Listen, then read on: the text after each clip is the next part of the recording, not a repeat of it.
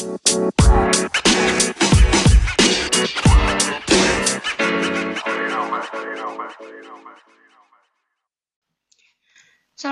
teman-teman, selamat sore. Kembali lagi di NVKS Teknik Lingkungan Trisakti. Gimana kabarnya nih? Semoga sehat ya. Nah, jadi hari ini kita bakal ngomongin tentang kegiatan kemanusiaan di daerah. Kita nggak sendirian hari ini. Hari ini kita bakal ngobrol sama salah satu mahasiswa keren dari Teknik Lingkungan Angkatan 2019. Yang bisa kita panggil dia Bian. Hmm, kita langsung undang aja yuk. Banyak banget hikmahnya. Jadi kita tuh bisa merealisasikan ide-ide keren yang kita punya selama ini. Mulai dari ide kecil sampai ide besar. Nah, salah satunya nih, Bian. Halo, Bian. Halo dia. Ya. Iya, Bian. Bian ini keren loh, teman-teman.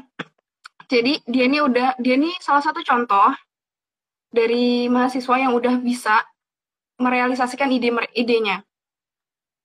Nah, Bian, boleh nggak sih dijelasin tentang idenya ini? Apa namanya lampu pohompu ya, Bian?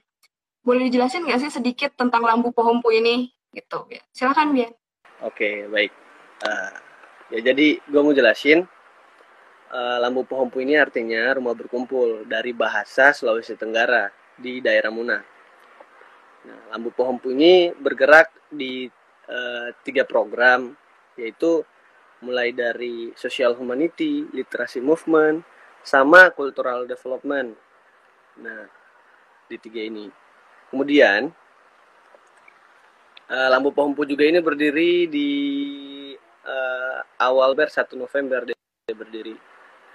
Nah, tepat hari kepahlawanan ya kalau nggak salah. Nah, betul betul. Terus lampu pohompu ini uh, rumah berkomposisinya di daerah Sulawesi Teng daerah Sulawesi Tenggara, uh, Kabupaten Buton, Kecamatan Sangiambulu, Desa Baru Tanah Lalaki. Nah, segitu aja dulu mungkin penjelasan singkat lampu pohompu. Oke. Okay. Uh, dari lampu pohompu ini, apa sih yang jadi motivasinya Bian sampai ini tuh terrealisasikan gitu? Nah, uh, eh, gue mau cerita singkat dulu, cerita uh, cerita singkat dulu. Uh, eh, gue besarnya di Maluku Utara, tapi asli dari Sulawesi Tenggara. Hmm. Dari situ gue berpikir apa sih yang harus gue buat di daerah kampung gue sendiri, sedangkan pengalaman-pengalaman uh, yang gue dapat organisasi itu banyak banget yang gue dapat di Maluku Utara dia. Nah, Nah harus nih, terus kepikiran kan, nah harus nih ada kegiatan yang harus gue bangun di kampung gue sendiri. Nah timbul pemikiran itu dari awal SMA, uh, eh, terrealisasinya pas kuliah ini. Nah uh, uh, sering orang-orang pada bilang kan, kampung lu tuh Bian sepi banget, gak ada kegiatannya. Hmm. Anak mudanya di mana sih? Kok kok gak ada kegiatan aktivitasnya?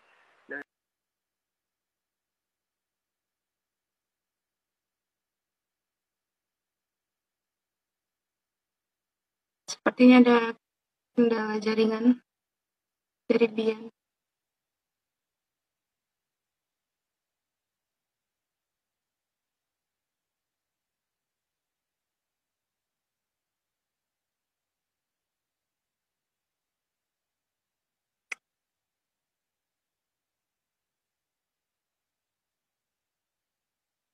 Oke, kita undang lagi mungkin Biannya karena tadi ada sedikit kendala. Oke.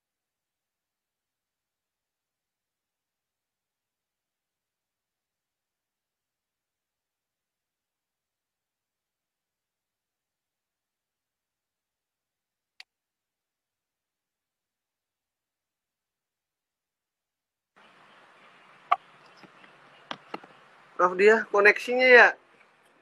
Gak apa-apa Bian. Udah sampai di mana tadi? Gue jelasin terakhirnya. Tadi pas sampai di pemuda-pemuda Pahumpunya. Di pemuda di Maluku Utara. Nah.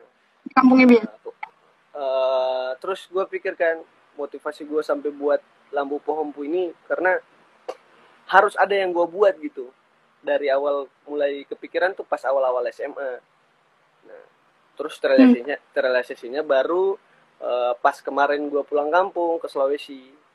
Nah, dari situ gue survei kan pas pulang terus gue lihat oh, bener juga orang yang pada bilang kalau kampung ini sunyi terus gak ada kegiatan. Terus kayak kampung mati gitu gak ada kegiatan sama sekali. Nah gue survei ternyata ada tiga tiga ide timbul di pikiran gue kan. Yang paling pertama yang paling pertama tuh kurangnya interaksi antar masyarakat. Mulai dari pemudanya masyarakat orang tuanya anak-anaknya tuh gak pada kayak cerita cerita gitu. Jadi orang tua tuh di sini. Jadi gue pengen di kampung gue harus ada interaksi satu sama lain. Bukan hanya orang tuanya doang. Tapi kepeduliannya harus muncul satu sama lain gitu. Jadi timbullah program social humanity. Nah social humanity ini sedikit gue jelasin ntar dah di belakang dulu dah. Terakhir jawabannya. Nah terus uh, uh, tujuan yang kedua itu literasi movement.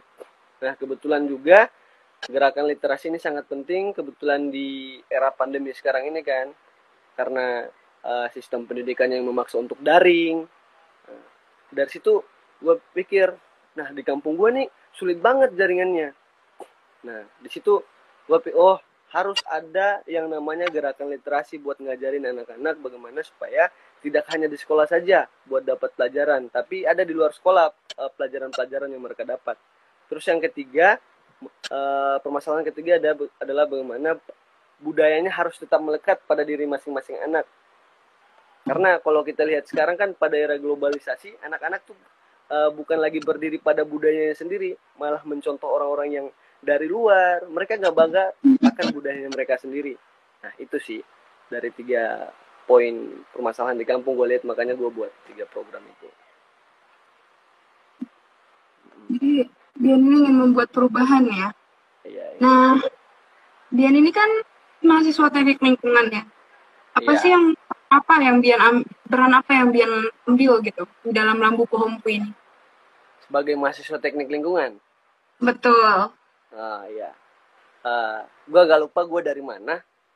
Yaitu gue mahasiswa teknik lingkungan Universitas Trisakti yang gue uh, uh, ajarin di Lambu Pohonpu ini bagaimana anak-anak bukan hanya hanya bisa belajar membaca, bisa biar bisa tahu menghitung dan sebagainya, tapi gue ajarin bagaimana mereka tuh peka terhadap lingkungan saat ini.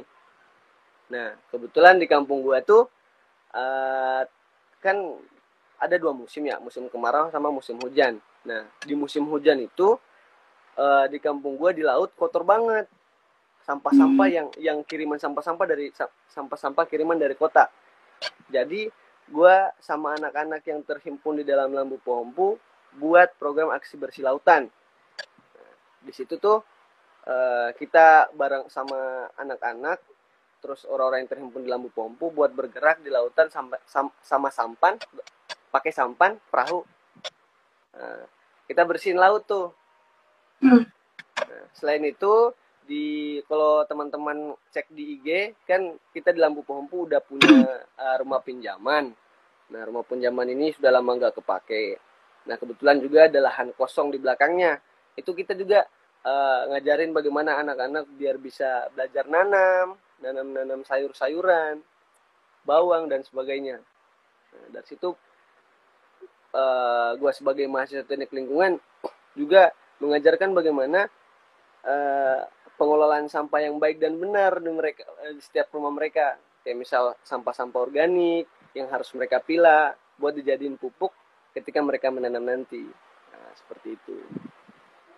Jadi kegiatannya tuh nggak hanya di dalam ruangan ya, Bian? Iya,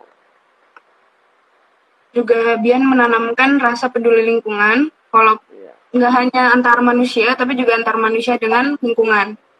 Yeah. Oke, okay. Kemarin tuh dia melihat ini IG-nya lampu pohonpu.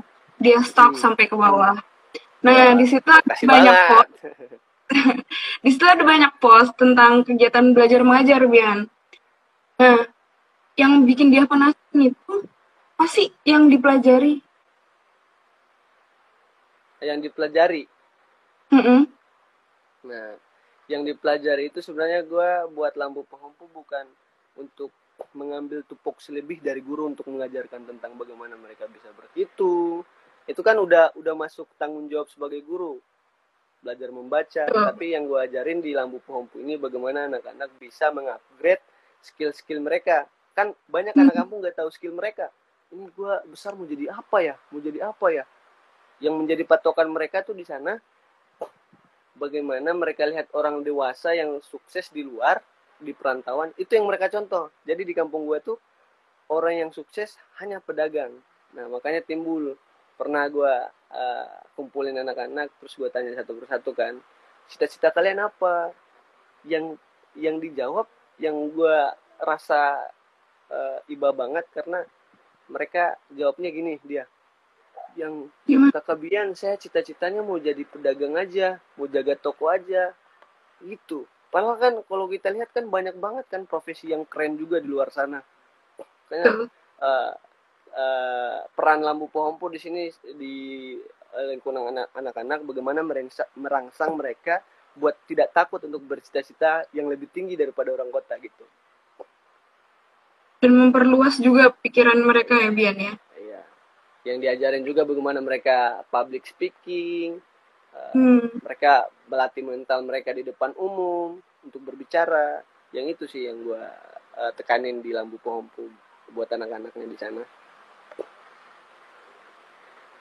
Nah, Bian, kalau kan Bian tuh ngajarin anak-anak ya. Iya. Kendala apa sih? Kendala apa yang pernah Bian alami dan risikonya tuh gimana gitu Bian di lampu pohonpu ini?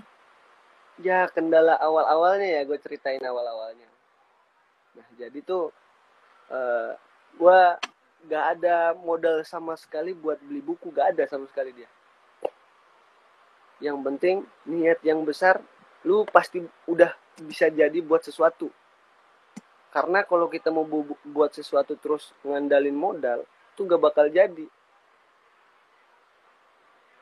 Gak bakal jadi gitu soalnya gini soalnya gini. Gua kemarin pas pas pikir kan ini gue mau dapat buku dari mana ya buat ajarin anak-anak belajar eh, mereka eh, untuk tertarik membaca untuk tertarik bermain dan belajar. Gue bingung kan sedangkan gue nggak ada duit sama sekali sepersen pun nggak ada. Gue buat lampu pompu ini. Jadi sempat ke eh, pas minta izin ke pemerintah desanya Bu, kan kepala desanya ibu di sana, eh, ibu-ibu. Bu, saya mau minta izin eh, sama mahasiswa di sini untuk membangun sebuah rumah belajar buat anak-anak. Terus terus terus tuh ibu desa bilang, iya boleh, kami senang banget. Nah tiba-tiba tuh dia ngomong gini dia, "Eh, tapi untuk dananya kita nggak bisa bantu soalnya ada ini bla bla bla bla keperluan bla bla bla. Jadi gua sedangkan gue kan gak, gak ngomong dana di situ cuma minta izin doang. Terus Hmm. tiba-tiba kayak ketampar gitu gue lah kok kita kita kan gak minta duit cuma minta izin kan? Nah di situ juga gue udah udah eh, eh, udah pikirin. Karena eh, gerakan literasi seperti lampu pompu ini bukan hanya sendiri aja. Soalnya gue eh, berteman usah cari teman yang punya taman baca juga di kota buat minjemin buku ke kita. Nah, dari situ eh, kendala-kendala awal. Maksudnya bagaimana kalau untuk mengajak anak-anak, saya rasa itu bukan kendala. Mereka tuh bakal senang, seru kalau ada hal baru di kampung mereka. Anak anak keingin tahuannya mereka ya. Iya, ka- karena keinginan Fantasi mereka. anak-anak. Betul. Terus kendalanya juga karena kita di sini, gue kemarin ngajak mahasiswa-mahasiswa yang terhimpun di situ mahasiswa-mahasiswa dari desa gue sendiri. Cuman yang eh, menjadi kendala karena mereka kesibukannya eh, bulak eh, PP kampus kota ke kampung kan lumayan kan. Jadi gue rasa kayak karena niat gue yang besar ya, gue resikoin kuliah gue ada beberapa yang bolong tuh buat ngebangun ini. Tapi ini bukan contoh yang yang yang baik ya. Tapi kalau kalian ingin ingin membuat sesuatu hal, harus niat yang besar dulu. Gak usah pikirin tentang modal atau segala macam. Harus punya uang nih mau buat sesuatu nih. jangan dulu yang penting niat kumpulun niat tetap pada jalan buat ngebuat sesuatu hmm. resikonya paling itu sih uh, kalau mau buat sesuatu harus ngorbanin sesuatu juga. Nah kalau untuk ngajak orang tua ini gimana Bian? Tanggung kan tadi dia tadi aku ngebahas anak-anak tuh kan? Kalau ya. kita ngebahas tentang orang dewasanya gimana Bian? Nah, di lampu pompu ini bukan hanya anak-anak ya sekedar info. Jadi eh, kendala gue kemarin buat ngajak orang-orang tuanya tuh gini. Lampu pohon bukan rumah berkumpul gak ada batas usia kan jadi Betul. kemarin berusaha.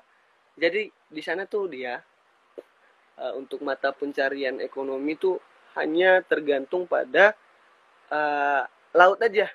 Jadi tuh di sana tuh nggak ada kayak perkebunan. Paling yang ditanam pisang di samping-samping rumah. Tapi kalau untuk perkebunan nggak ada. Mereka cuman bergantung pada nilai hasil laut. Nah hmm. dari tahun 2000 uh, 2000 awalan sampai 2010 tuh mata pencarian prioritas mereka tuh tahu nggak uh, rumput laut tahu tahu kenapa itu rumput laut 2010 itu udah nggak ada uh, uh, kayak hmm. uh, pembudidaya rumput laut. Jadi mereka di sana banyak yang merantau. Nah maka, makanya masalah utama di sana adalah bagaimana lapangan kerjanya. Lapangan kerja di sana nggak ada dia. Makanya kemarin dari Lambu Pohompu ini berinisiatif kan buat ngajak orang tua bagaimana mencari uang dari kampung gitu. Nah, gua kemarin hmm. udah udah ngajak orang-orang dari kota buat turun ke kampung gua ngajarin tuh tentang berbisnis mulai dari kampung gimana caranya entah mereka uh, uh, inovasi tentang kerajinan tangan atau sebagainya bisa yang bisa dijual kan punya nilai jual tapi susahnya mereka ini katanya gini udah anak-anak aja orang tuanya nggak usah. Orang tuanya nggak usah anak-anak aja. Belajar itu ya, ya iya. Jadi mereka tuh kayak mikir kan lampu pohon ini kan buat anak-anak doang. Tapi kan gue di sini bukan ngajak hanya anak-anak doang kan.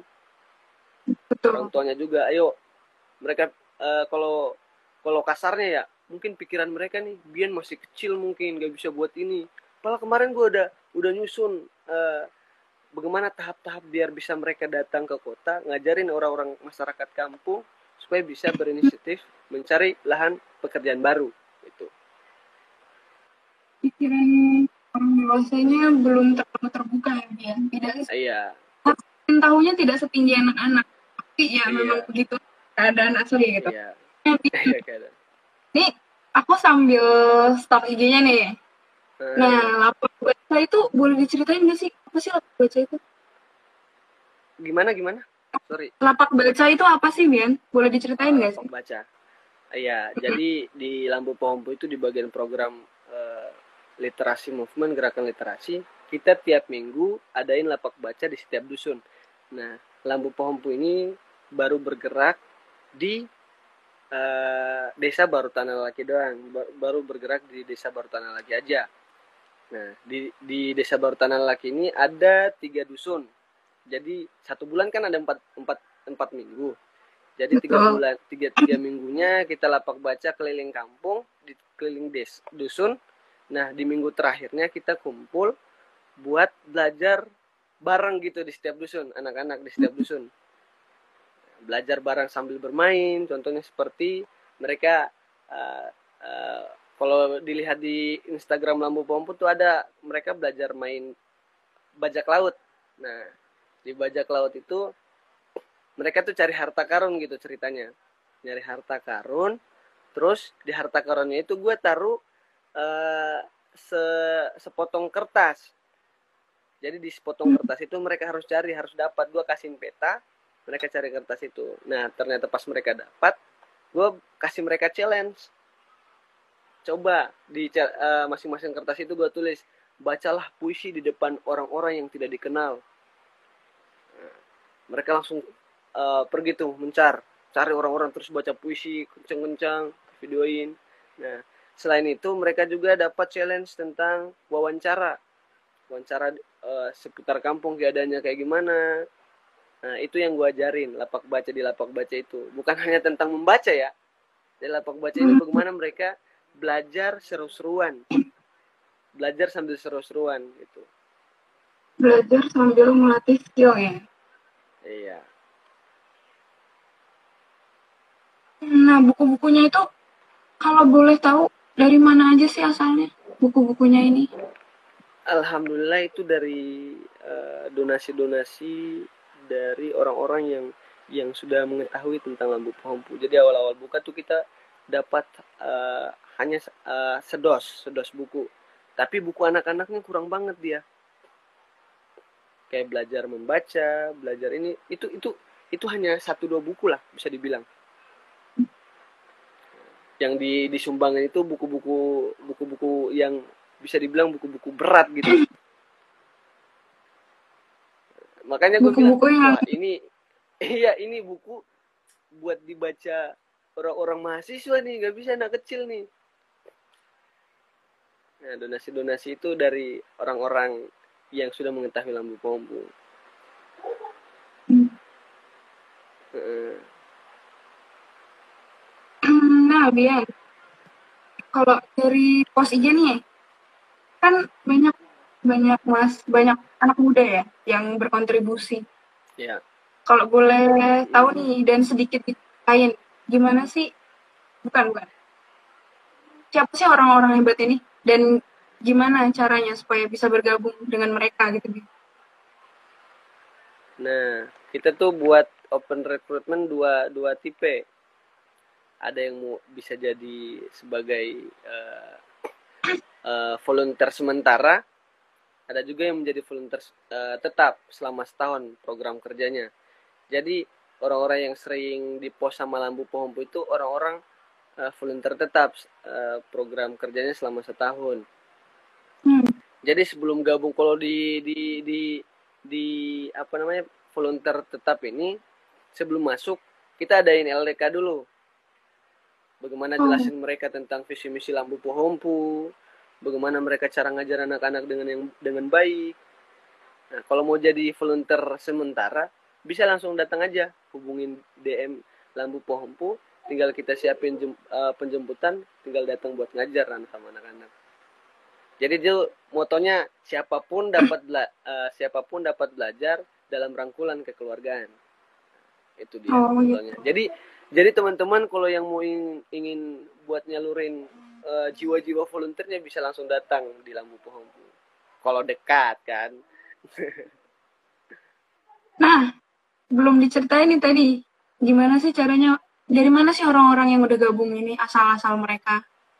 Oh iya, sorry banget gue belum ceritain.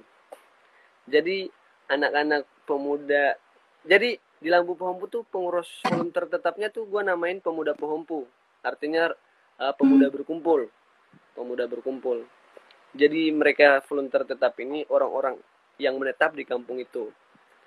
Jadi awal-awal mereka sebelum gabung di Lampu Pompu ini kebiasaan mereka tuh kayak yang laki-laki minum, yang cewek-cewek hanya keliaran mundar-mandir gak ada kerjaan. Itu doang kerjanya. Jadi gue berusaha uh, ngedeketin mereka bersama Lampu Pompu. Pompu tuh dengan cara-cara pendekatan emosional jadi gue rela tuh gak tidur kan kalau sore siang sampai sore gue kumpul sama anak-anak jadi malamnya tuh gue cari pemuda-pemudanya selama sebulan Wah, mana pemudanya nih ini mereka harus menjadi penerus. Soalnya gini gue mikir kan kalau gue balik ke Jakarta siapa yang mau lanjutin? Ntar sia-sia lampu punya ntar sia-sia anak-anaknya belajar terus ditinggalin gitu aja. Gue mikir oh ini harus ada penerusnya. Harus ada pengurusnya. Nah, dari situ kepikiran, oh pemudanya aja yang gue gue jadiin pengurus. Nah, dari situ gue ajak lama-lama lama pendekatan emosional mereka mau ini gue kasih tidur bareng mereka cerita bareng mereka pemuda-pemudanya. Walaupun gue gak uh, nyisahin waktu istirahat gue tuh sedikit banget dalam satu hari buat bisa dekat sama mereka nah alhamdulillah sekarang mereka jadi pengurus aktif banget gue mulai uh, ajarin mereka tentang bagaimana cara berorganisasi yang benar. Mereka tuh mulai dari nol banget organisasinya. Cara menyusun suatu, suatu kegiatan tuh kayak gimana. Mereka tuh nggak tahu ini ini usah uh, uh, untuk membuat rancangan kegiatan itu gimana kak? Rincian anggaran itu apa kak? Mereka tuh sampai bingung tuh. nggak tahu apa-apa sama sekali. Jadi gue mulai dari awal memang. Nah dari situ pemudanya ada ada aktivitas uh, anak-anaknya juga ada aktivitas. Jadi kampung sekarang nggak sunyi lagi. Ada kegiatannya di dalam. Hmm. jadi bosan ya di kampung. Ya nah Bian mau tanya nih. Teman-teman pendengar nih terutama yang mahasiswa kalau mau ikut bantu itu udah dibahas sih. Tapi nggak bisa. Hmm. yang secara fisik tadi udah dibahas. Nah yang sekarang kalau ada yang mau ikut bantu tapi dia nggak bisa ke sana Bian. Karena ada kendala satu dan lain hal. Gimana nih caranya Bian? Oh iya. Kemarin gue baru banget buat link donasi di kitabisa.com teman-teman bisa langsung uh, donasiin berapapun harganya, berapapun jumlahnya, berapapun jumlahnya itu sangat berarti buat lampu pompu. Uh, jadi uh, teman-teman bisa donasiin di kitabisa.com garing baru tak perlu buku. Oke. Okay.